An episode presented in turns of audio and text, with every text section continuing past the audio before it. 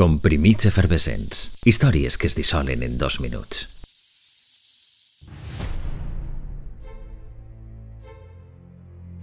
Un relat panoràmic que s'endinsa en l'evolució biològica i intel·lectual del gènere humà.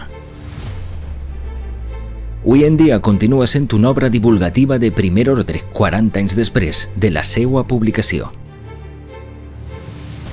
I posaria en perspectiva com ningú l'origen i la història de l'univers.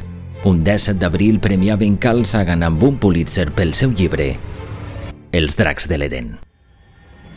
Una excel·lent aproximació a la ciència per a tots els públics en la que Sagan també explora mites i llegendes i aborda de forma rigorosa l'existència de vida intel·ligent més enllà de la biosfera. La popularitat i el prestigi dels dracs de l'Eden contribuiria a impulsar definitivament la més coneguda de les iniciatives divulgatives de Sagan, la sèrie Cosmos, que introduiria en format audiovisual una cèlebre escala de la història de l'univers ja descrita en els dracs de l'Eden per tal d'acostar la idea de temps còsmic, comprimiria eons en un sol any, una peculiar escala que començaria a la mitjanit de l'1 de gener amb el Big Bang i culminaria els nostres dies en l'últim sospir del 31 de desembre. Així, la història de la humanitat només ocuparia els últims 21 segons de l'any, mentre que la vida sobre la Terra començaria el 30 de setembre.